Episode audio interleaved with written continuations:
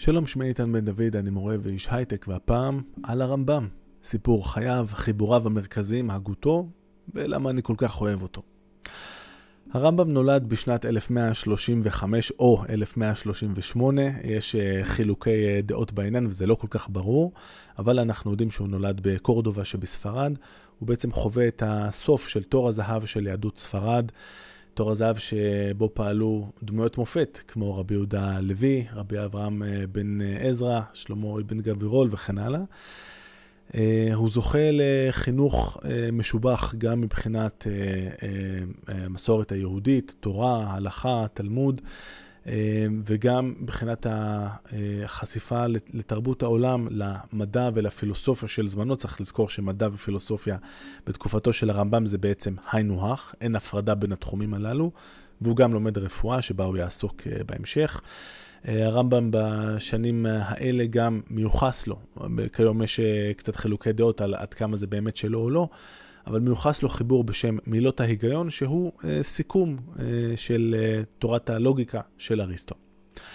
גן העדן הזה באנדלוסיה מסתיים, לצערנו, עם פלישתם של שבטי המוחידון, המייחדים. מדובר בשבטים מוסלמים עם אידיאולוגיה יותר פונדמנטליסטית, יותר קיצונית, דגש על איך צריך כן לנהוג כלפי האסלאם, יותר דגש על דברים כמו ייחוד האל.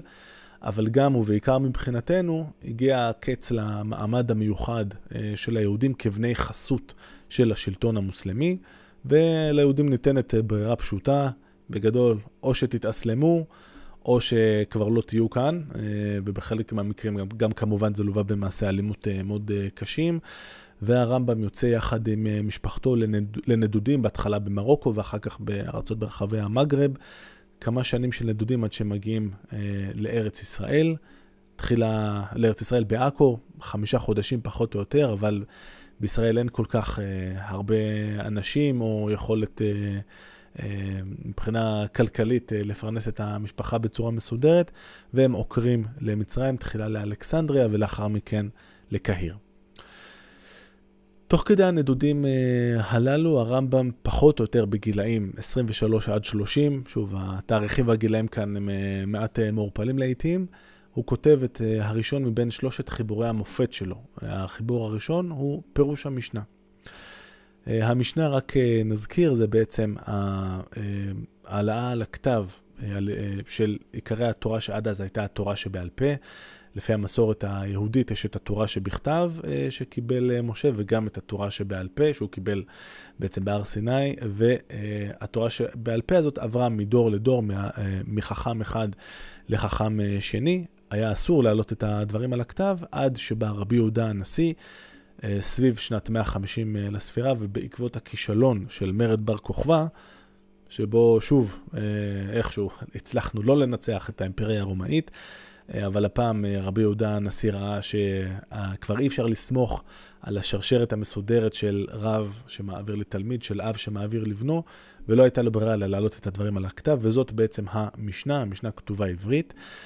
אה, לאחר מכן רק נזכיר, יש את התלמוד או הגמרא, זה אותו דבר, שזה בעצם על רוב המסכתות, על רוב החומר של המשנה, אנחנו רואים אה, דיון בפרק, זאת אומרת, כמה משפטים מהמשנה, והדיון של החכמים, חכמי הגמרא, האמוראים, על הדברים שחכמי המשנה, התנאים, אמרו.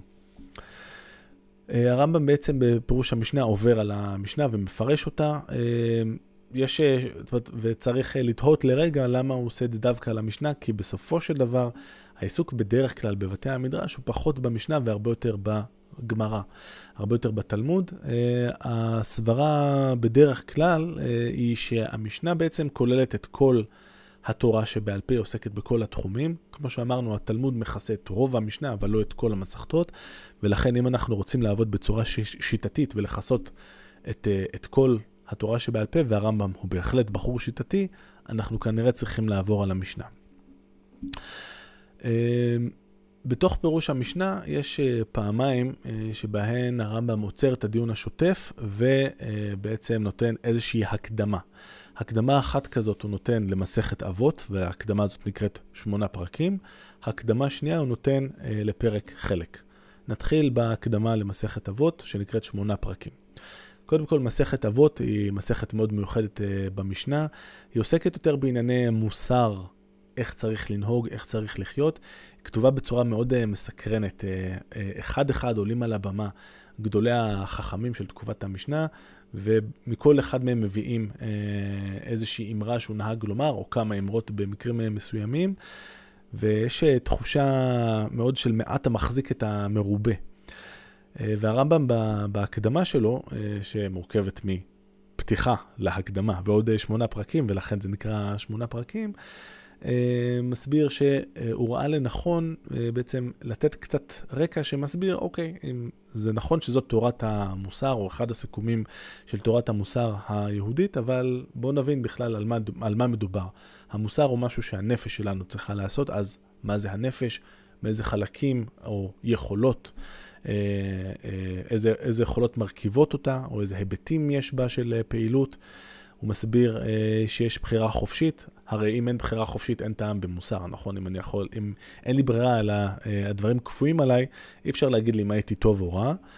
לנו הדברים האלה נראים מובנים מאליהם, כי אנחנו רגילים לחיות ביהדות שבה מובן מאליו שיש בחירה חופשית. צריך לזכור שבזמנו של הרמב"ם זה לא היה מובן מאליו, לא ביהדות וגם לא בהקשר הכללי, התיאולוגיה המוסלמי, כי היו אה, זרמים אה, באסלאם, ובעצם הזרמים האלה קיימים עד היום אה, באסלאם, יש גם זרמים אחרים, אבל היו זרמים חזקים שטענו שלאדם אין בחירה בכלל, אין בחירה חופשית, אלא רק זה נדמה לנו. והרמב"ם, כשהוא יגיע במורה נבוכים לדיון שיטתי בעמדות האלה, הוא גם יסביר מאיפה זה נובע. זה נובע, לדבריו, מזה שהחשש של החכמים הללו, התיאולוגים המוסלמים, הוא שאם הם יודו בכך שלאדם יש בחירה חופשית, זה יפגע במידה מסוימת בכל יכולתו של האל. כי פתאום יש היבט מסוים בבריאה, רצונו של האדם, שעליו לאל לכאורה אין השפעה, אחרת אין לנו בחירה חופשית, וזאת בעיה, ולכן הם מקריבים את רעיון הבחירה החופשית, למרות שכולנו מרגישים, זאת, זאת האינטואיציה הבסיסית שלנו בעולם, שיש לנו בחירה חופשית, הם חייבים, אה, זה המחיר שהם בוחרים לשלם כדי להציל לכאורה את כל יכולתו של האל. דבר נוסף אה, שהרמב"ם דן בו בשמונה פרקים הוא אה, מה שנקרא דרך האמצע או שביל הזהב, ובזה הוא הולך בעיקר בעקבות אריסטו, אבל הוא יסטה ממנו בשתי נקודות. אריסטו, אה, שרק אה, נזכיר, אה, פועל במאה הרביעית לפני הספירה, בעצם השלישי בשלושת הדורות המופלאים של סוקרטס, המורה של אפלטון, המורה של אריסטו. בספרו העיקרי על המוסר, האתיקה הניקומחית, הוא מציג את הרעיון של דרך האמצע. הרעיון של אריסטו הוא שבעצם כל תכונה שלנו ניצבת על איזשהו רצף, שכל אחד משני הקצוות של הרצף הזה הוא מקום שאנחנו לא רוצים להיות בו, אנחנו רוצים להיות איפשהו באמצע. למה הכוונה? ניקח למשל את, אה, את הציר שבצד אחד שלו יש אדם שהוא קמצן מאוד, ובקצה השני שלו יש אדם שהוא פזרן מאוד. שני הדברים אינם טובים, אנחנו לא רוצים להיות קמצנים, אנחנו לא רוצים להיות פזרנים, אנחנו צריכים להיות באמצע. בצורה דומה, אם אני פחדן מאוד, זה לא טוב. אם אני מצד שני פועל אה, בצורה אה, נחפזת ומשליך את עצמי לסכנות, גם זה לא בסדר. אני צריך להיות איפשהו באמצע. הרמב"ם לוקח את המודל הזה, הוא גם שם דגש על אה, מה עושים כשאנחנו מזהים שאנחנו לא באמצע. אה, וכאן הוא בעצם אומר, וצריך לזכור שהוא גם, אה, גם רופא, בשלב הזה הוא עדיין לא רופא בפועל, אבל הוא למד רפואה. והוא מדבר במונחים של אה, החולי של הנפש, כש, כשאנחנו לא מאוזנים במידות שלנו, ואיך אנחנו מרפאים את החולי הזה. אז איך אני מרפא את החולי הזה, אם נניח אני מזהה, או מזהים בשבילי, עושים לי טובה ומסבירים לי שאני קמצן מדי, אני צריך למשך תקופה מסוימת לפעול בניגוד לטבע שלי וללכת לכיוון הקצה השני, לא להגיע עד הקצה, אבל לנהוג בפזרנות מסוימת, בדוגמה שלנו, ואז לאט לאט להחזיר את עצמי אה, להיות אה, באמצע. בעצם כאן הרמב"ם אה, עושה משהו שאני מאוד אוהב, והוא אה, לצאת נגד התפיסה שגם בימינו אפשר לסכם אותה בשלוש המילים העבריות הנהדרות, מה אני אעשה? מה אני יכול לעשות? אלוהים ברא אותי ככה שאני קצת קמצן, זה מה יש, מה אני יכול לעשות? זאת האמת שלי. אז לא, מבחינת הרמב"ם האחריות היא עדיין על האדם לתקן את אה, מידותיו, לתקן את עצמו. אי אפשר להסתפק בזה של ככה אני זה הטבע שלי וזהו, אלא החובה מוטלת עלינו לעשות את מה שאפשר כדי לקחת אחריות על עצמנו ועל האופי שלנו. בעצם זה לא שהאופי שלנו אה, קובע את המעשים שלנו, אלא להפך, אנחנו יכולים להגיע למצב שבו המעשים שאנחנו בוחרים לעשות בעזרת התבונה שלנו, יכולים להשפיע בעצם על האופי שלנו. רעיון אה, אה, חזק אה, מאוד נוסף, שאני מאוד אוהב בפירוש המשנה, מופיע בפתיחה לחיבור אה, כולו. אה, סליחה, הוא מופיע ב, ב, גם אה, ב, בשמונה פרקים, ושם אה, הרמב"ם נותן את, ה, את האמירה שהתרגום שלה הוא, זו סיסמה שמאז נהייתה קלאסית. שמע האמת ממי שאמרה. אומר, אני מביא את הדברים שלי בחיבור הזה, אני לא המצאתי פה שום, שום דבר. אני רוצה להביא דברים שאמרו אותם גם הפילוסופים חכמי העולם, גם החכמים שלנו. והרעיון הזה של יהדות שהיא לא מסתגרת, שהיא לא אומרת, אני, מה שיש בגמרא זה בסדר, מעבר לזה אני לא רוצה לשמוע בכלל, זאת לא יהדות אמיצה בעיניי. יהדות אמיצה היא יהדות שיכולה להיות אה, פתוחה ולקחת את הדברים שהיא אה, רואה שיקרה ערך מסביבה. במילים אחרות הרמב"ם אומר, אני רוצה לקנות אמת. אם מישהו מוכר אמת, אני קונה, לא מעניין אותי כל כך מי הוא. אמרנו שהרמב"ם אה, סוטה מהגישה של אריסטו בנושא של דרך האמצע, או שביל הזהב, בשתי נקודות. נקודה אחת היא התכונה של הענווה. מבחינת הרמב"ם אנחנו אה, צריכים להיות כמה שיותר לטעות לכיוון של הענווה, או כמו שהיינו אומרים בעברית מודרנית, כמה שפחות אגו. יש את המאמר התלמודי המפורסם, הקנאה והתאווה והכבוד מוציאים את האדם מן העולם. זה הדברים שהורגים אותנו, זה המרדף אחרי הדברים האלה. אז אולי תאווה קצת פחות, אבל הקנאה והכבוד, אין ספק שאלה דברים שאם אנחנו נוהגים בענווה, אנחנו יכולים אה, קצת אה, להחליש את העוצמה של הדברים הנוראים האלה אה, וההשפעה שלהם על הנפש שלנו. אז זו תכונה אחת, ותכונה שנייה תכונה של הכעס. מבחינת הרמב"ם, אה, אדם צריך לכעוס כמה שפחות, לא לכעוס בכלל, זה הכי טוב. למה זה כל כך חשוב לרמב"ם קודם כל? אני חושב שההסבר שהוא נותן זה שבן אדם שהוא כועס הוא בעצם, אה, שיקול הדעת שלו כרגע הלך לעזאזל. הרמב"ם אה, מציין כשהוא מסביר על המידות השונות, שאדם ש... שלא כועס בכלל, או כועס עם יכעס, יכעס כעס מעט פעם בכמה שנים, ויש אדם שיכול, אה, כשהוא כועס, מאבד את הראש לגמרי, יכול לשחוט את הקטן שבבניו. יכול להיות שראיתם אנשים כאלה, זה באמת לא נעים. ומכיוון שמבחינת הרמב"ם הדבר הכי חשוב זה השכל, כי איתו אנחנו יכולים להגיע ל, לייעוד העקרוני של האדם, שהוא הכרת האל כפי יכולת האדם, עוד נרחיב על זה בהמשך. לכן אני צריך לברוח מהכעס הזה כמה שיותר כדי לא לפגום אה, בעצם ביכולת שלי לפעול בצורה הגיונית, שקולה ומושכלת. זה לא אומר שלא צריך להיראות כאילו אנחנו כועסים. הרמב"ם מסביר שאם אנחנו אה, פרנסים על הציבור, או אם אנחנו אה, הורים, אה, וכנראה אם אנחנו גם אה, מורים, מדי פעם צריכים לשמוע אותנו שואגים. למה? כדי ליצור אה, כוח הרתעה, אה, זה דבר אחד, ואז אה, אנשים אה, בחברה ייזהרו ולא ילכו אה, לחיות אה, חיי פשע, כי הם פוחדים מהעונש של השליט האכזר לעיתים.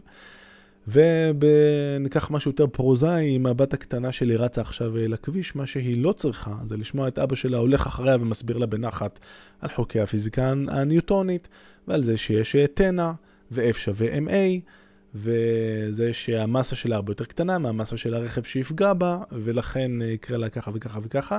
מה שהיא כן צריכה לשמוע בעיקר זה שאגה אחת רצינית אה, של אבא שלה, שתקפיא אותה במקום, ואז היא לא תתפרץ לכביש.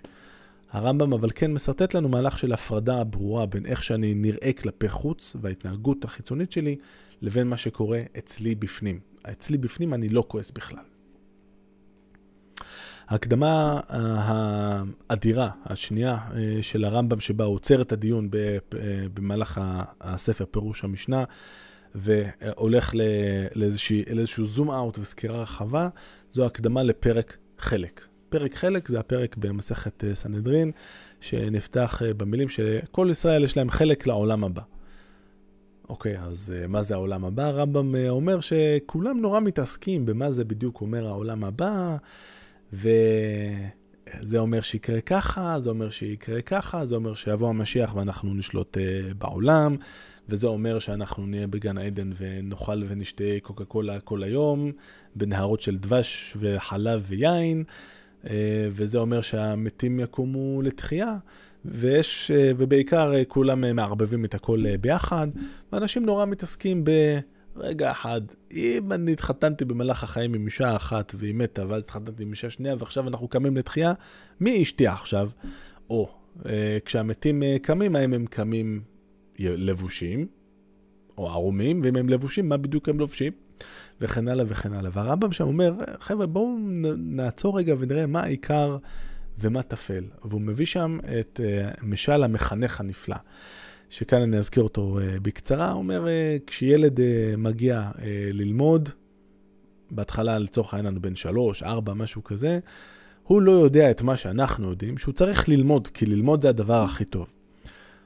אז מה עושה המלמד? אומר לו, תשמע, בוא תלמד uh, כמה דברים, כמה מזמור, מזמורי תהילים, אני אתן לך סוכריה, או סוכריות וכן הלאה. עוברות כמה שנים, uh, והמהלך הזה שבו עשינו לילד טריק והחלפנו לו את האמצעי בתכלית, זאת אומרת, התכלית מבחינתנו זה זה שהוא ילמד. אבל מבחינתו, הלימוד הוא רק אמצעי לקבל את התכלית, שיהיה ממתקים. אז אחרי כמה שנים זה כבר פחות עובד, העניין של הממתקים, אז אנחנו מחליפים את זה.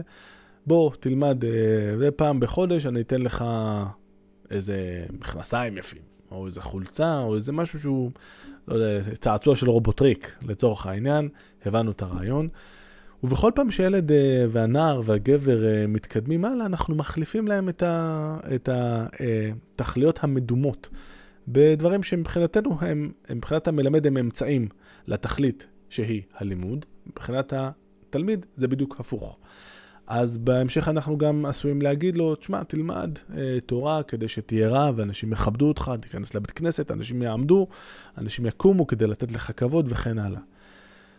אבל בסופו של דבר, את כל הדבר הזה אנחנו אה, עושים אה, מכיוון שחשוב לנו שהבן אדם ילמד, ילמד תורה, ילמד אה, מדעים לצורך העניין, כי זה מה שאנחנו צריכים לעשות. כל שאר הדברים זה סתם פיתיונות שזרקנו בדרך.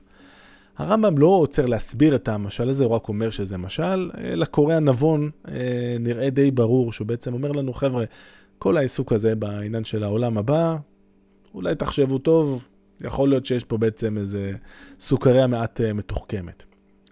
סוגיה נוספת שהרמב"ם אה, נוגע בה בהקדמה לפרק חלק זה עיקרי האמונה היהודית. 13 העיקרים uh, שאנחנו מכירים עד היום כל מי שהיה ביום uh, שישי בערב בקבלת שבת uh, בבית הכנסת, לפני שהולכים הביתה, שתגדל אלוהים חי וישתבח, אולי הפיוט עם הכי הרבה לחנים שיש. אמ, ו-13 העיקרים האלה בעצם הרמב"ם הוא זה שמנסח אותם. הוא גם, אגב, רק נגיד שהוא מנסח אותם בצורה קצת שונה ממה שיש ביגדל אלוהים חי, זה לא נורא מדויק שם. המעוניינים מוזמנים אה, להשוות ולראות את המעט הבדלים אה, שיש. הרעיון הזה של ניסוח עיקרי אמונה, צריך לומר, זה לא דבר אה, שהיה קיים ביהדות. בתורה לא תמצאו כזה דבר. ואם תחשבו על, ואם תנסו להגיד לי עשרת הדיברות, זה לא ממש ככה. כי עשרת הדיברות... חוץ מזה שהם נאמרו בצורה אה, מאוד ייחודית בהר סיני, בשום מקום לא, אה, לא נאמר שהם אה, אה, יותר מחייבים מאשר מצוות אחרות. מה גם שיש אה, יש רק שתי מצוות שהן אה, מזכות אותנו באריכות אה, ימים. אחת מהן אמנם זה אה, כיבוד אב ואם, אבל השני זה, השני זה בכלל שילוח הקן, שהיא בטח לא בעשרת הדיברות. המהלך הזה של הרמב"ם אה, לקבוע עיקרי אמונה הוא מהלך שעורר עליו אה, לא מעט אה, ביקורת. לא מיותר לומר שהרעיון הזה של ניסוח עיקרי אמונה זה דבר שהמוחידון מאוד הצטיינו בו, ויכול להיות שיש כאן השפעה של שוב הסביבה שהרמב"ם פועל בה על ההגות שלו.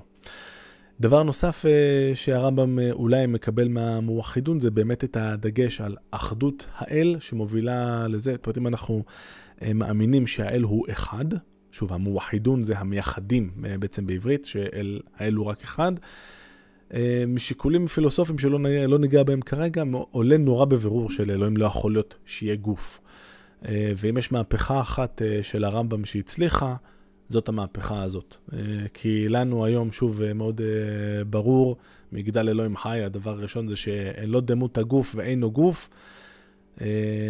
בזמנו של הרמב"ם זה לא היה ברור בכלל. זאת אומרת, הרבה מאוד יהודים טובים האמינו במשך מאות השנים שלפני הרמב"ם שלאלוהים יש גוף. והוא אגב דומה מאוד לשלנו, אחרת איך תסבירו את זה שזה, שאנחנו ב, בצלמו ובדמותו של האל. יכול להיות שאולי אלוהים הוא קצת יותר גדול או יותר זוהר, אבל בגדול, מה שאתם רואים כאן לפניכם, הוא נראה פחות או יותר כמוני. מבחינת הרמב"ם, כמובן לא יעלה על הדעת.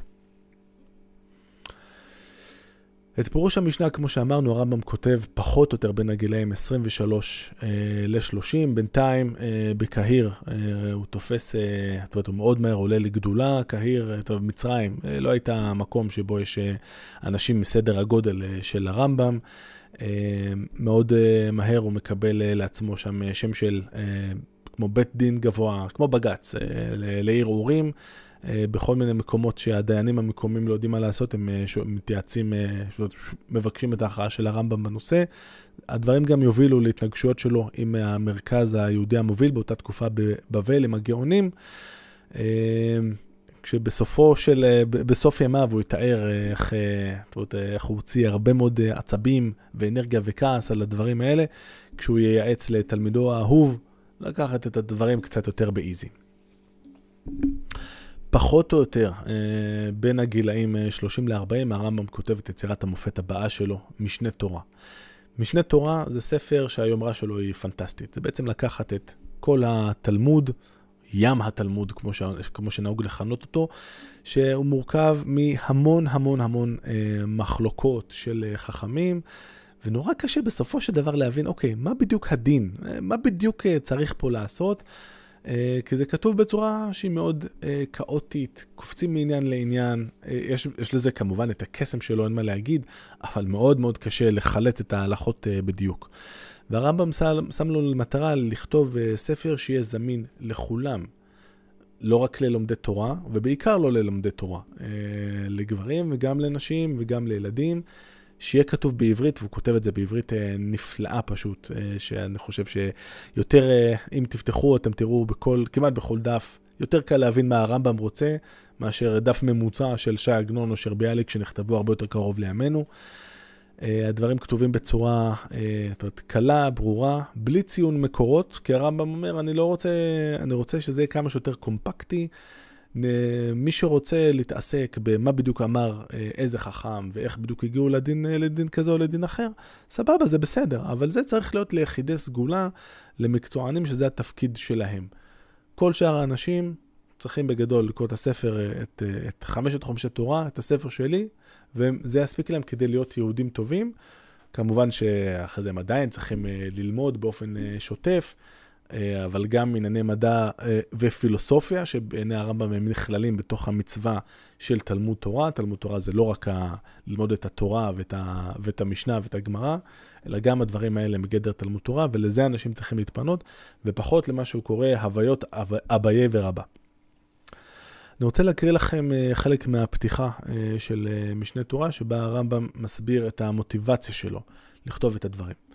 רק לפני זה אני אגיד שכמו שראינו קודם, אם, ה, אם הסיבה העיקרית לזה שרבי יהודה הנשיא כתב את המשנה, זה הקטסטרופה שהייתה בזמנו אחרי הכישלון של מרד בר כוכבא, גם הרמב"ם חווה, הוא, הוא, הוא פועל מתוך זה שהוא חווה משבר, שהוא מבחינתו משבר דומה, של גלות, של אה, רדיפות, של אה, בריחה מארץ לארץ, אה, סביבה שבה כבר אי אפשר לסמוך על העברה המסודרת של הידע מרב לתלמיד, מאב לבנו.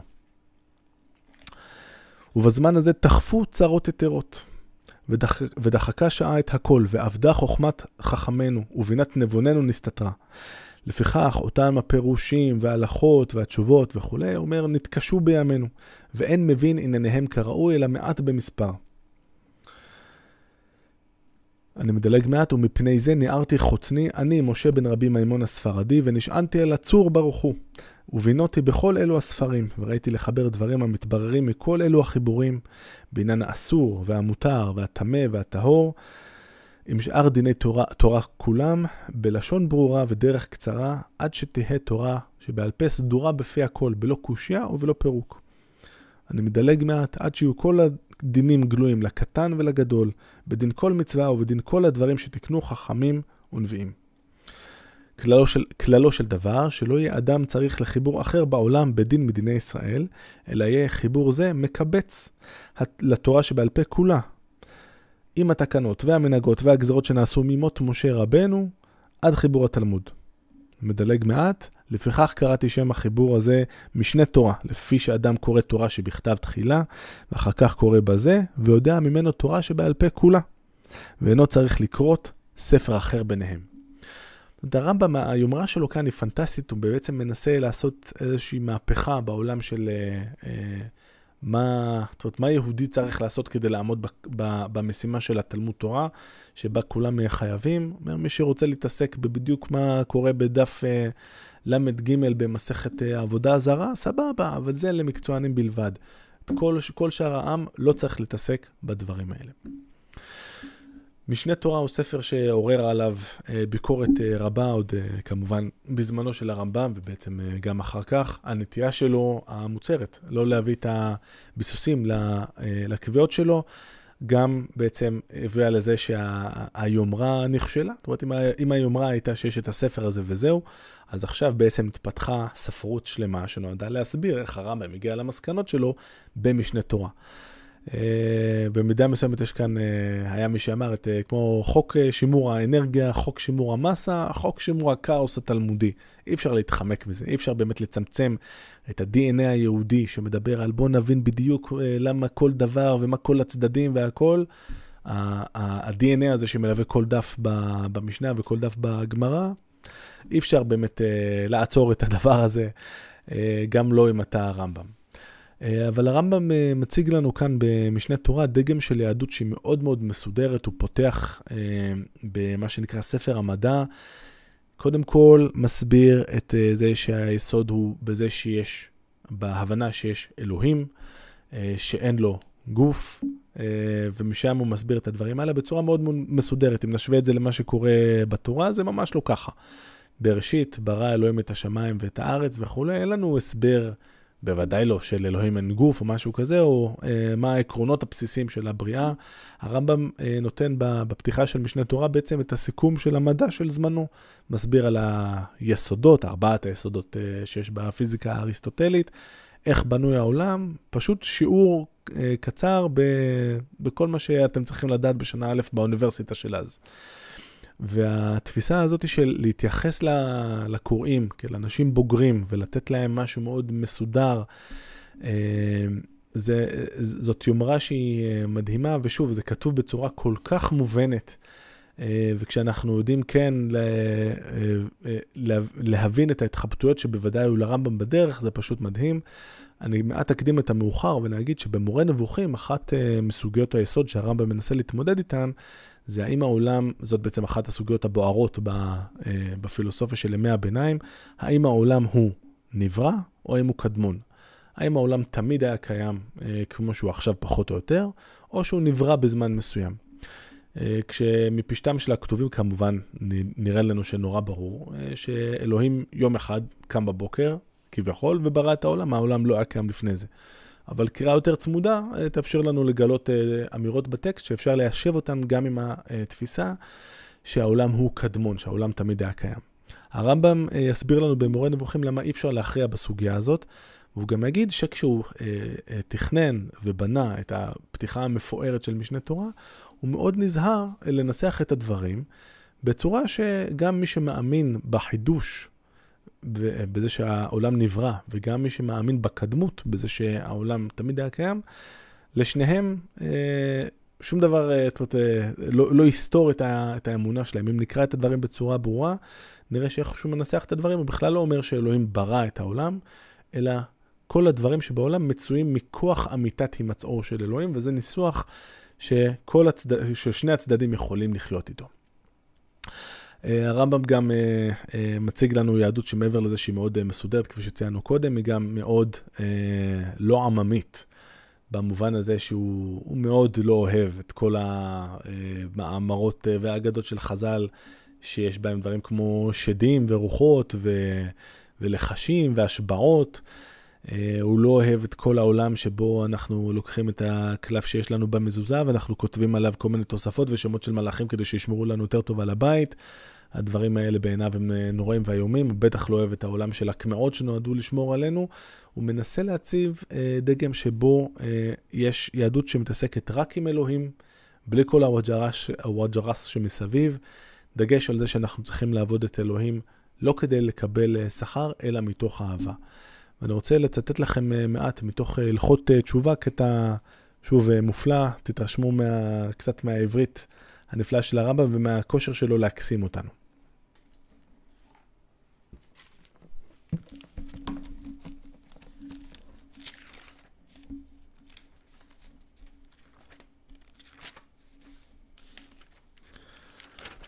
אני קורא בהלכות אה, תשובה, פרק עשירי. אל יאמר אדם, הריני עושה מצוות התורה ועוסק בחוכמתה כדי שאקבל הברכות הכתובות בה, או כדי שאזכה לחיי העולם הבא. שימו לב, הרי יש ברכות שכתובות בתורה, ברכות שנזכה להם אם נקיים את הדברים. הרמב"ם אומר, אנחנו צריכים לא לפעול בכיוון הזה דווקא. וגם לא אפרוש מן העבירות שהזהירה התורה מהן, כדי שאנצל מן הקללות הכתובות בתורה, או כדי שלא אכרת מחיי העולם הבא. אין ראוי לעבוד את אדוני על דרך זו. שהעובד על דרך זו הוא עובד מיראה, שהיא גם דרך לגיטימית בסופו של דבר, אבל זאת לא הדרך הנכונה. אני מדלג מעט. אה, ואין עובד את אדוני על דרך זו, אלא עמי הארץ והנשים והקטנים, שמחנכים אותם לעבוד מיראה עד שתרבה דעתן ויעבדו מאהבה. העובד מאהבה עוסק בתורה ובמצוות, והולך בנתיבות החוכמה לא מפני דבר בעולם, לא מפני יראת הרעה ולא כדי לירש הטובה, אלא עושה האמת מפני שהוא אמת, וסוף הטובה לבוא בכלל. ומעלה זו היא מעלה גדולה עד מאוד, ואין כל חכם זוכה לה. אני מדלג מעט. עכשיו תראו איך, אה, פשוט זה כל כך מקסים. וכיצד היא האהבה הראויה? הוא שאוהב את אדוני אהבה גדולה, יתרה, רבה, עזה עד מאוד, עד שתהא נפשו כשורה, כשורה באהבת אדוני ונמצא שוגה בה תמיד. כאילו, כאלו חולי האהבה, שאין דעתן פנויה מאהבת אותה אישה שהוא שוגה בה תמיד, בין בשוכבו, בין בקומו, בין בשעה שהוא אוכל ושותה, יותר מזה תהיה אהבת אדוני בלב אוהביו, שוגין בה תמיד. אמ, והדבר האחרון שצריך אה, לציין כאן, דבר ידוע וברור שאין אהבת הקדוש ברוך הוא נקשרת בליבו של האדם עד שישגה בה תמיד כראוי ויעזוב כל שבעולם חוץ ממנה, אנחנו בעצם חוזרים על הרעיון שהיה קודם, כמו שציווה ואמר בכל לבבך ובכל נפשך, אלא בדעה שידעהו. ועל פי הדעה, על פי האהבה. עם מעט מעט ועם הרבה הרבה. לפיכך צריך אדם לייחד עצמו, להבין ולהשכיל בחוכמות ותבונות, המודיעין לו את קונו כפי כוח שיש באדם להבין ולהשיג, כמו שביארנו בהלכות יסודי התורה. זאת אומרת, המדיום שדרכו אנחנו אה, מכירים את אלוהים ומגיעים לייעוד שלנו, שאצל הרמב"ם הייעוד של האדם הוא מאוד ברור, הוא להכיר את האל כפי יכולת האדם. אנחנו לא יכולים להכיר אותו עד הסוף, נגיע לזה עוד מעט שוב, אבל עד כמה שאפשר. הדרך שלנו לעשות את זה הוא, אה, היא בעזרת השכל. השכל הוא, ה, הוא צלם אלוהים שנמצא בנו, זה אחד מהעקרונות הבסיסיים של אה, מורה נבוכים, הוא מה שמייחד אותנו משאר החיות אה, בבריאה. זה מה שבעצם מבסס את הקשר בינינו לבינו. ככל שאני יודע יותר על העולם, אני אדע יותר על אלוהים, אני אוכל להיות אדם דתי יותר טוב. המדע שמסביר לי כמה העולם הזה מורכב מדברים כל כך uh, מסובכים, מהיסודות uh, וכולי, הוא זה שמאפשר לי uh, להעריך את אלוהים עוד יותר. יש מקום מקסים במורה נבוכים שבו הרמב"ם אומר uh, שאדם מן היישוב, אם נגיד לו, תשמע, איך uh, תינוקות באים לעולם? בא מלאך ושם את העובר בתוך, ה... בתוך הרחם של האישה, הבן אדם יגיד, וואו, מדהים, איזה, איזה, נפלא, איזה נפלאה העבודה של הבורא. אבל אם נגיד לו שבעצם בזרע אה, של הגבר, בחיבור עם הביצית, הרמב"ם כמובן לא, לא דיבר על ביציות, אבל כן על הזרע של הגבר, ובזה שבזרע של, ה, של הגבר יש את הפוטנציאל, לפי התפיסה האריסטוטלית, הפוטנציאל שבסופו של דבר מתחבר עם החומר של הנקבה ויוצר שם דמות אדם, וכל הדבר הזה קורה לבד. כי בזרע אה, של הגבר כבר יש את הפוטנציאל לכל זה, זה בעיני הרמב"ם דבר שהוא הרבה יותר מופלא. זה שזה לא איזה נס שבא מלאך ודוחף את העובר בתוך הבטן של האישה, אלא זה שאנחנו כבר נולדים עם היכולת המופלאה הזאת, עם הפוטנציה להביא יצור אה, נוסף אה, לעולם. בני הרמב"ם, אם אנחנו, כשאנחנו מבינים את זה, זה רק גורם לנו להיות, להעריך את אלוהים עוד יותר, לאהוב אותו עוד יותר. המדע והיהדות הן לא אויבות, להפך. אני יכול להיות יהודי יותר טוב רק כשאני אהיה מדען יותר טוב, כשאני אבין יותר טוב את העולם. נקודה למחשבה שכמובן אה, בעיניי רלו... רלוונטית אה, לא פחות גם בימינו. אחרי שהרמב"ם אה, מסיים את, את החיבור של משנה תורה, פוקד אותו אסון. יש בעצם עד אז הוא ואחיו דוד, אחיו האהוב, קיימו מערכת אה, יחסים אה, במודל אה, שאנחנו מכירים במסורת היהודית עם יששכר וזבולון, למי שמכיר. ראינו שאח אחד יושב ועוסק בתורה ואח השני דואג לפרנסה. אבל אח דוד טבע באוקיינוס ההודי באחד, באחד ממסעות הסחר שלו, ועכשיו הרמב"ם בעצם היה צריך גם להתמודד עם המוות של אחיו האהוב. אה, וגם להתמודד עם אה, אה, הפרנסה, שעכשיו הוא צריך לדאוג לה גם למשפחה שלו וגם למשפחה של אחיו, כמובן. באחת האגרות הנוגעות ללב שלו, הוא מתאר את המצב שהוא היה בו לאחר מות אחיו, והוא פשוט מתאר שם דיכאון מאוד ברור שבמונחים מודרניים היינו קוראים לזה דיכאון, מתאר שם שבמשך שנה הוא בקושי יכול היה לצאת מהמיטה. אמ, מכיוון שהרמב"ם אה, הוא איש העקרונות, הוא, אה, ולמרות שהוא אה, שימש בתפקיד הנהגה ביהדות מצרים, הוא סירב לקחת, ליטול שכר על זה שהוא יהיה מורה וילמד אנשים ויעביר שיעורים וכן הלאה. ועכשיו צריך לעשות, למדנו מקצוע, צריך לממש. הרמב"ם אמרנו למד רפואה בנעוריו, ועכשיו הוא התחיל לעסוק ברפואה, ומכיוון שמדובר ברמב"ם, מאוד מהר, הוא הופך להיות הרופא מספר אחת uh, במצרים. אנחנו מדברים על התקופה שבה סלאח א-דין uh, מסתובב וגם בארץ ישראל והולך מכות עם הצלבנים, ויש את החצר שלו שנמצאת uh, בקהיר, והרמב"ם הופך לרופא החצר ומטפל בסלאח א-דין כשהוא מועיל בטובו להגיע מדי פעם, אבל גם בסגן שלו, ובכל מי שנמצא בארמון, ובכל הנשים שנמצאות בארמון, וכן הלאה וכן הלאה, וכמובן שיש עמו צלם מרחוק, וגם כל העם אה, פחות או יותר אה, מגיע כדי לנסות אה, להתרפא אצלו. יש פייטן בין התקופה ששר עליו, זה, זה מקדיש לו איזה שיר, ואומר, גם אם הלבנה הייתה נופלת לו בידיים, הוא היה מרפא לה את הפגמים. אה, שזה, שזה נחמד ומקסים, אה, הבעיה היא שזה אכל לרמב"ם, אפילו לרמב"ם, זה אכל לו את כל הזמן הפנוי שיש. יש כמה מהאגרות אה, שהוא כותב, שהוא מתאר בכמה הזדמנויות, כמה שפשוט אין לו יותר זמן לעסוק בדברים האלה, כי הוא עסוק מהבוקר ומהבוקר, מצאת החמה, מצאת הנשמה, בלרפא אנשים שלא עוזבים אותו גם כשהוא חוזר מהעבודה, מה, מהחצר בקהיר, חוזר לפוסטט, לפרבר שבו הוא גר. עדיין אנשים מחכים לו, צובעים לו על פתח הבית, ואת האחרונים אומר, אני כבר מקבל אותם בשכיבה. זה כבר, זה כבר עצוב כמה שזה מצחיק, או להפך, או אתה, אתה נכנס לרופא, הרופא שוכב על המיטה ו, ונותן לך את הרצפט. אה, אז אה, זה אחרי תקופה אה, שבה הרמב"ם עוסק ברפואה, הוא גם כותב כמה ספרי רפואה כמובן. אנחנו מקבלים את uh, מה שבעיניי הוא היהלום שבכתר. מורה נבוכים, יצירת המופת השלישית והאחרונה של הרמב"ם. כותב אותה פחות או יותר, שוב, הזמנים פה לא הכי ברורים, איפשהו במשך חמש שנים, uh, בין השנים 1188 ל-1193, אז מבחינת הגיל זה יוצא איפשהו סביב גיל 50 נאמר, פחות או יותר. והספר הזה הוא אופרה אחרת לגמרי. קודם כל, הוא בכלל לא מיועד לכלל ישראל, הוא מיועד לאנשים שהרמב"ם אומר, מבחינתי אני כותב את זה, אני מכוון את הדברים לאחד מעולה ולא לעשרת אלפים שכלים בכף, אה, לא לעשרת אלפים טיפשים.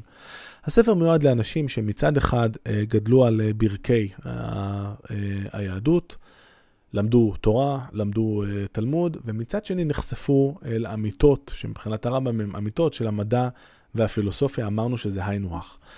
והם חושבים שהדברים לא, עונים, לא עולים בקנה אחד. למשל, אריסטו מוכיח לנו בצורה מאוד ברורה למה לאלוהים לא יכול להיות שיהיה גוף. מצד שני, אי אפשר לעבור בספר בראשית אה, פחות או יותר עשרה פסוקים, אה, ובספרים האחרים גם יש לא מעט, בלי שנראה איזה ביטוי ש... אה, על כך שלאלוהים לכאורה יש גוף, אלוהים מתהלך בגן, אלוהים, אה, אנחנו, יש לו יד אלוהים, אצבע אלוהים, זרוע, המון ביטויים, הרגליים שלו יעמדו מתישהו על הר הזיתים רגל אחת, וכן הלאה וכן הלאה, נביאים שרואים את אלוהים יושב על כיסא רם ונישא, ו... ו וכולי, וזה גורם להם לזוז בחוסר נוחות בכיסא, והם מרגישים שהם צריכים לוותר על משהו, או שהם יוותרו על האמונה שלהם, או שהם יוותרו על הפילוסופיה, אבל הרמב"ם בעצם אומר, אין, אין, אין באמת צורך, מכיוון שמדובר פה על אמת ופה על אמת. שתי האמיתות האלה יכולות לעלות בקנה אחד, הן חייבות לעלות בקנה אחד, אנחנו רק צריכים לוודא שאנחנו מבינים את הדברים כמו שצריך. ואם מדובר בעניינים כמו התפיסה של אלוהים אה, אין גוף, אבל המקרא לכאורה אומר שיש לו גוף, אז בואו נראה איך אנחנו מפרשים את המקרא, מוצאים את הדרך לפרש את הדברים בצורה אחרת, כדי שנראה שגם לפי המקרא אפשר בהחלט אה, לראות שלאלוהים אין גוף, וזה בסדר. אה, ובעצם הרמב"ם מטפל, ב, מטפל בספר בשורה שלמה של סוגיות אה, שהן בעייתיות גם מבחינת הסתירה לכאורה בין הפילוסופיה, בין המדע מצד אחד, לבין האמונה, לבין הדת מצד שני. הדיון בנושא של האם העולם הוא קדמון או מחודש, דיון בנושא של מה הם טעמי המצוות, האם למצוות יש סיבות או לא, מה זה בעצם נבואה, מהי הדמות של הנביא, מה פתאום אלוהים מדבר עם, עם בני אדם. אה, אולי זה לא כל כך הגיוני, אם האלוהים הוא הדבר הכזה המושלם והכזה מחוץ לעולם, אה, כמו שהרמב"ם מתאר אותו, מה פתאום הוא אה, תופס כמה אנשים ומדבר איתם. מה חשיבות השכל בקשר בינינו לבין אלוהים, מה המשמעות של מושג ההשגחה וכן הלאה. זאת אומרת, יש פה שורה שלמה של שאלות שכל אחת מהן היא עצומה וענקית, והרמב"ם מטפל בהן בדרך יוצאת דופן. למה דרך יוצאת דופן? ראינו, אני מקווה ששכנעתי אתכם במידה מסוימת, שבמשנה תורה הדברים כתובים בצורה מאוד מאוד מסודרת. הוא לוקח את אה, ים התלמוד הכאוטי והופך אותו למשהו שהוא שווה לכל נפש. הכל מחולק לפי נושאים, לפי קטגוריות, אה, מאוד מאוד אה, ברור, מאוד מובנה, מאוד מסודר. ובמורה נבוכים אומר לנו הרמב"ם, אני הולך לעשות משהו אחר לגמרי. הסיפור, החיבור קודם כל לא כתוב בעברית, הוא כתוב אה, בערבית היהודית, ערבית באותיות עבריות, עם לא מעט ביטויים אה, בעברית, כמובן אה, בציטוטים מהתנ"ך, אבל אה, לא רק. אה, הדיון בספר אה, מורכב ככה, שהוא אומר, בשום דיון עם משמעות אל תצפה שאני אתן לך את כל הדברים מההתחלה עד הסוף בצורה מסודרת. אלא אני מערבב את הדברים. אני נותן חלק מהתובנות בפרק הזה, וחלק מהתובנות יהיו בחלק אחר לגמרי במרחק של מאות עמודים משם, ו, ואת הדעה האמיתית שלי אולי נשים במקום אה, בכלל אחר. הוא מסביר שלפעמים אה, צריך להעלים דברים מההמון, ולכן אנחנו אה, לא נכתוב את הדברים בצורה ברורה, בלי שאנשים ישימו לב. אנחנו ניתן, זאת אומרת, אם הקורא יצליח להשיב את פרקי הספר זה על זה, זאת אומרת, להרכיב את הפאזל שאני בעצם בונה לכם כאן, הוא יצליח, רק הקורא המיומן יצליח להבין מה אני בעצם חושב על חלק אה, גדול וכנראה החלק החשוב מהסוגיות אה, בספר. והדרך וה, הזאת לבנות את הדיון, קודם כל זה הצית גם את אה, דמיוני שלי וגם את דמיונם של רבים אחרים מבני עמנו ולא רק. צריך להגיד שלספר הייתה השפעה גם על הפילוסופיה הכללית של ימי הביניים, במיוחד בהתקפות המאוד מוצלחות שמדי פעם הרמב"ם עולה להתקפה מול אריסטו, שבהרבה מקרים אחרים הוא מקבל את, אה, את אה, דבריו. אז ככה, לטעום טיפה מהנושאים המרכזיים שיש לנו בספר, אז אה, את תחילת הספר הוא מקדיש בעיקר לעבור על שורה של ביטויים ופעלים שנמצאים במקרא, שלכאורה מגשימים את האל, ולהסביר איך אפשר לפרש אותן, איך אפשר לפרש אותם אחרת. אם ניקח דוגמה, כיסא. יש לנו נביאים שורים מתולים יושב על כיסא, והרמב"ם מסביר שזאת מטאפורה. אה, כשמישהו יושב על כיסא, אז א', אנחנו אה, מבינים שהוא, שהוא דבר אה, נשגב, כי כמו מלך יושב על כס מלכות, וגם כשאנחנו יושבים על כיסא, אנחנו יותר איתנים, יותר יציבים, אנחנו לא, מש, לא משתנים, וזה משהו שהוא מטאפורה לזה שהאל הוא לא משתנה, כמו שאנחנו משתנים, אלא הוא נצחי.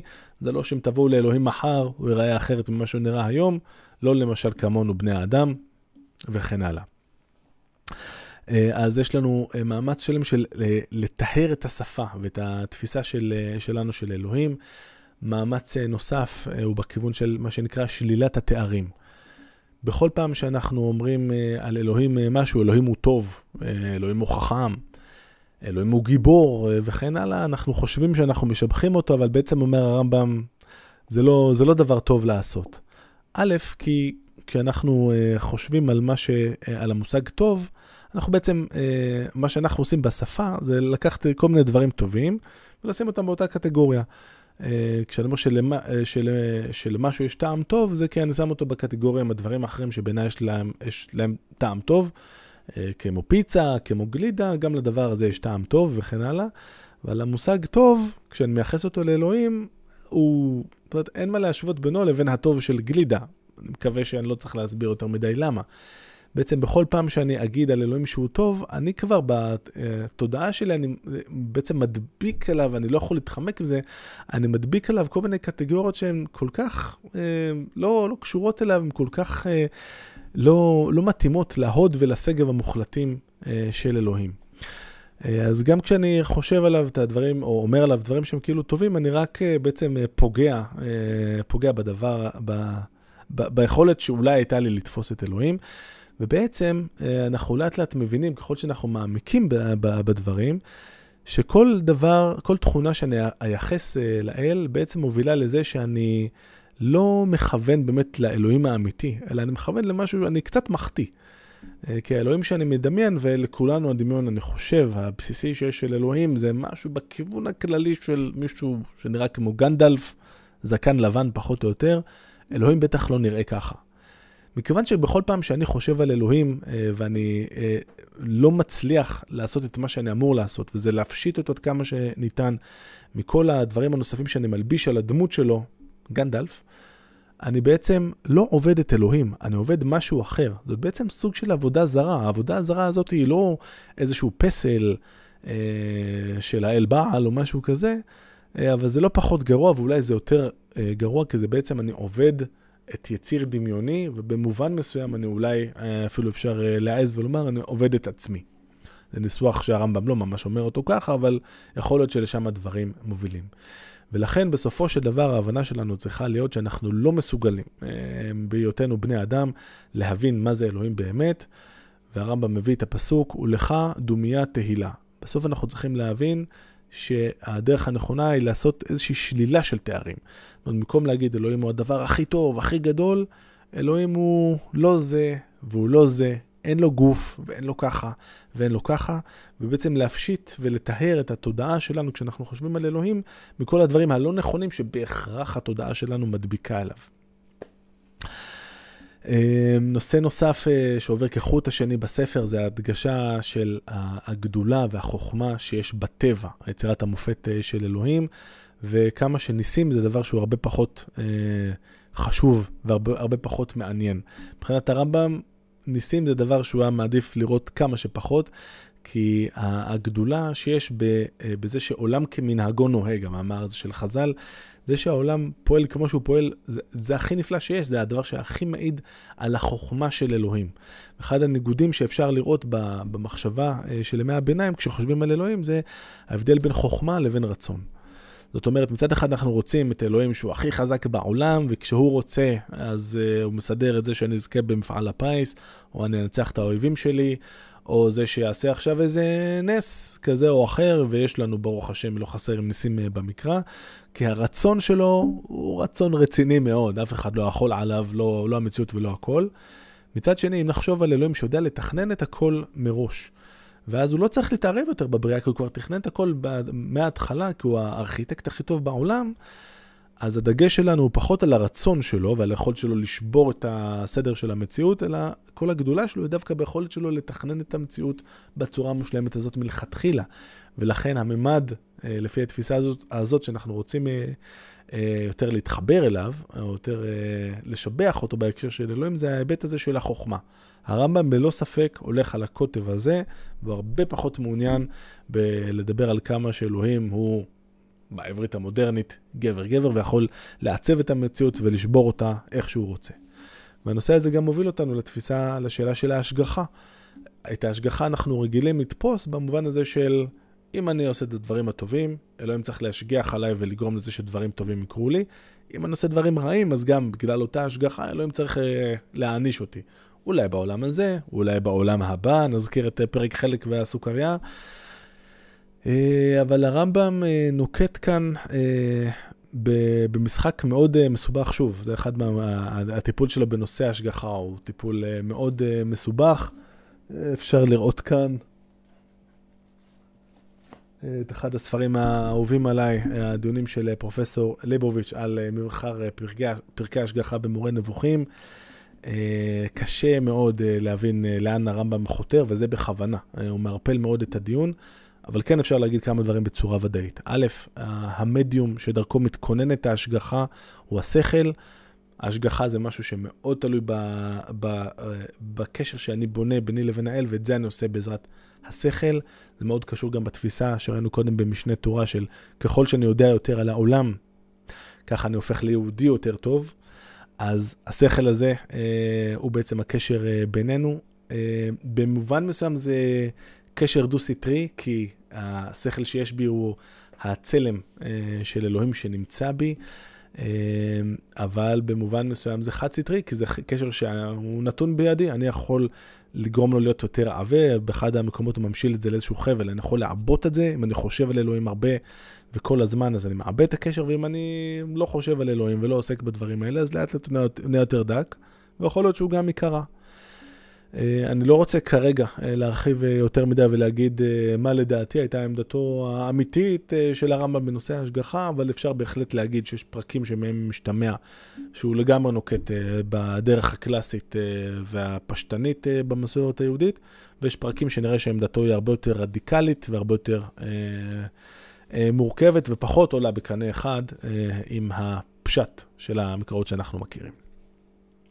נושא נוסף מרכזי בספר אה, במורה נבוכים זה הסיפור של אה, הנביא והנבואה.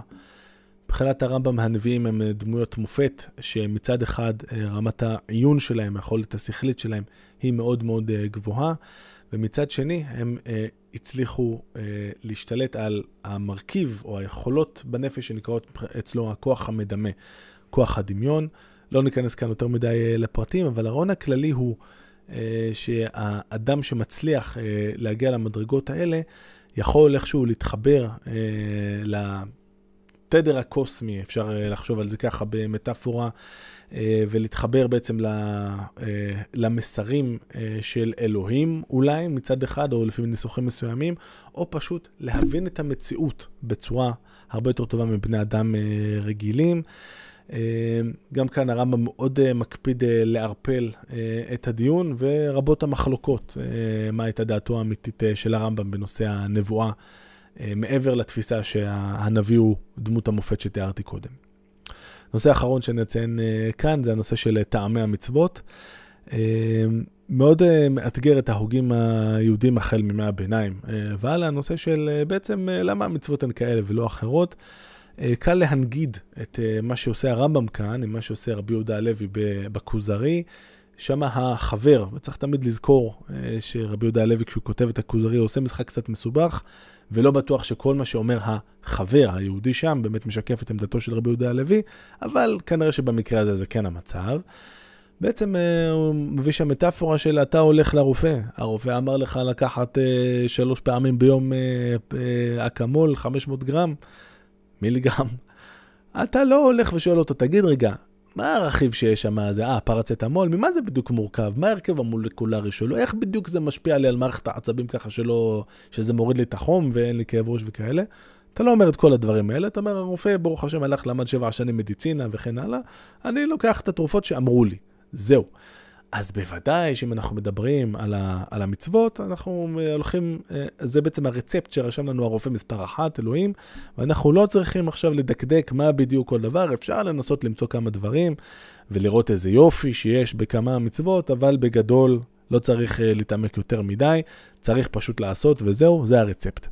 מבחינת הרמב"ם זה, הרמב"ם זה ממש לא המצב, כי שוב, הדעת היא העיקר. אם אנחנו נצליח להבין למה המצוות האלה הן כאלה ולא אחרות, זה יגרום לנו להיות יהודים יותר טובים. אז uh, כמה תובנות עיקריות שלו הן שהתורה, קודם כל, המטרה הראשונה שלה זה לעבוד ברובד של תיקון החברה, לראות שלא רוצחים פה אחד את השני השכם והערב, ודבר שני, להכין אותנו לקראת המדרגה היותר גבוהה של העיון שיוביל אותנו להגשמת הייעוד שלנו, הכרת האל, כפי יכולת האדם, כפי שכבר אמרתי כאן לא פעם.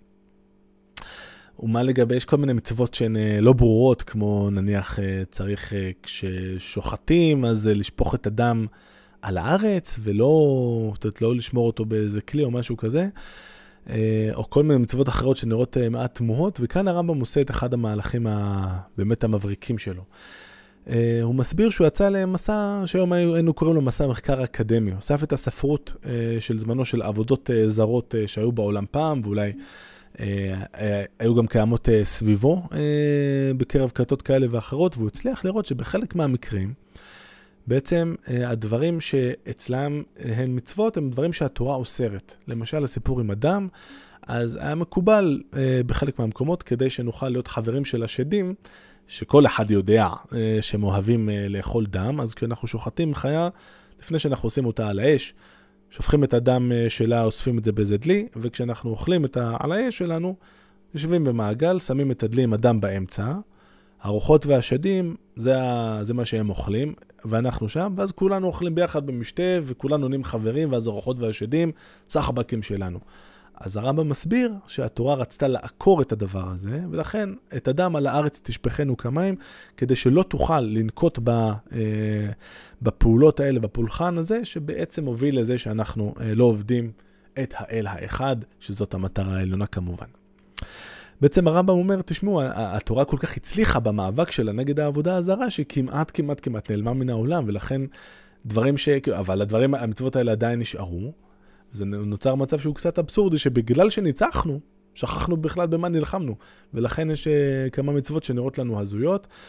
ומהלך אחד באמת מבריק שהוא עושה שם, זה ההשערה שלו שהסיפור של לוט ושל גדי בחלב עמו, זה פשוט עוד איזה עבודה זרה שהוא לא מצא בספרים שלו. הוא רואה איזה פלא. Uh, מאות שנים אחר כך uh, נמצאו הכתבים באוגרית, ובהם בין השאר מצטווים הקוראים לבשל גדי בחלב עמו לאלים היפים והנעימים. כל הכבוד לרמב"ם. מעבר אה, לחיבורים המופלאים האלה, אה, ואת מורה נבוכים זה ספר שאני באמת מאוד מאוד אוהב, אה, גם, גם בגלל האתגר שהוא יוצר, אבל גם בגלל התחושה שהרמב"ם נותן, של מצד אחד הוא תובע הרבה מהקורא, אבל מצד שני הוא תמיד מושיט את היד ו- ועוזר, ועוזר ללומד להתקדם. אני, אני, אני באמת מרגיש את זה בכל פעם שאני פותח כל דף בספר. אני חושב שמה שסוגר לי סופית את, הדמות uh, של הרמב"ם כבאמת uh, דמות שאני uh, כל כך אוהב, זה האגרות שלו. יש לא מעט אגרות שלו שהגיעו לימינו, לידינו, חלק נתגלו לפני לא הרבה שנים, בגניזה הקהירית, ועולה משם דמות של אדם שבאמת הוא מקסים. אם קודם, אני, רוצה כדוגמה, ובזה אנחנו מסיימים, לתת כמה נקודות מהאיגרת שלו לעובדיה הגר. ראינו קודם במורה נבוכים, אה, שהרמב"ם אומר, אני ממקד את הספר הזה ליחיד מעולה, ולא מעניין אותי העשרת אלפים זכלים שאולי אה, יצאו נגד הספר, ובאופן כללי בספר יש לא מעט אמירות אליטיסטיות, אה, שאומרות, אנחנו מכוונים בספר הזה ליחידים, ויש את ההמון שהם נוטים לתפיסות לא נכונות וכן הלאה. וכאן הרמב"ם נותן כמה תשובות לשאלות ששאל אותו גר בשם עובדיה. בן אדם אה, מן השורה, בן אדם באמת, באמת קצת מסכן אה, ממה, ש, ממה שהוא מתאר, הוא מתאר שם מצב אה, שבו הרב שלו יורד עליו בצורה קשה, הרב שלו אומר לו, אסור לך להגיע בתפילה, יש קטע בתפילת 18, אלוהינו ואלוהי אבותינו. הלו, האבות שלך זה לא אברהם, יצחק ויעקב, ואם לא שמת לב, אתה לא חלק מהעם היהודי. בסדר, התגיירת כל הכבוד, אנחנו לא נגיד לך לא, אבל אבותיך זה לא אברהם, יצחק ויעקב, זה אחמד מוחמד, ולך תדע מי עוד. והרמב"ם מסביר לו, אה, קודם כל בצורה אה, מאוד אוהדת, מאוד אוהבת, מאוד גם נכנסת אה, חזק ברב הזה. הרמב"ם כשהוא רצה, הוא ידע להיות מאוד עצבני, וגם על זה הוא מדבר באחדות מהאגרות שלו בסוף ימיו, על כמה עצבני הוא היה לפעמים. והרמב"ם מסביר לו בצורה כל כך יפה על, על זה שהוא כן צריך להגיד, אלוהינו ולאבותינו. הוא מסביר ש, שבעצם אברהם היה במסורת היהודית, הוא מישהו שבעצם פרסם את, ה, את היהדות וגייר לא מעט אנשים.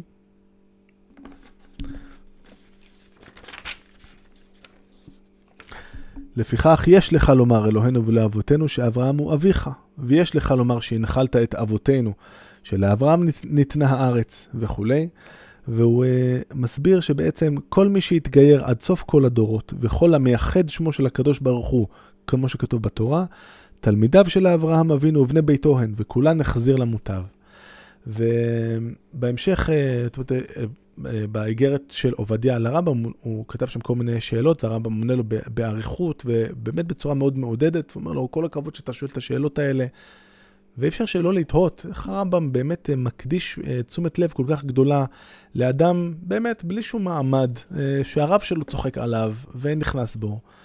והרמב"ם פשוט מעודד אותו ב, ב, בהמון מילים חמות, ורואים שהוא לקח את הזמן, זה פשוט כל כך מקסים בעיניי.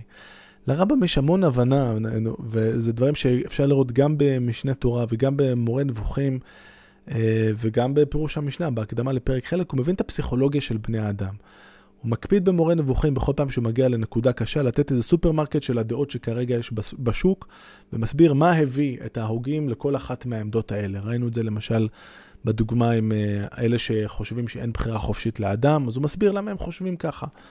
ולפעמים הוא אומר, ואני מבין אותם, אבל הנה, הנה זה בכל זאת טעות. אבל הוא מפרגן להם במידה, במידה מסוימת.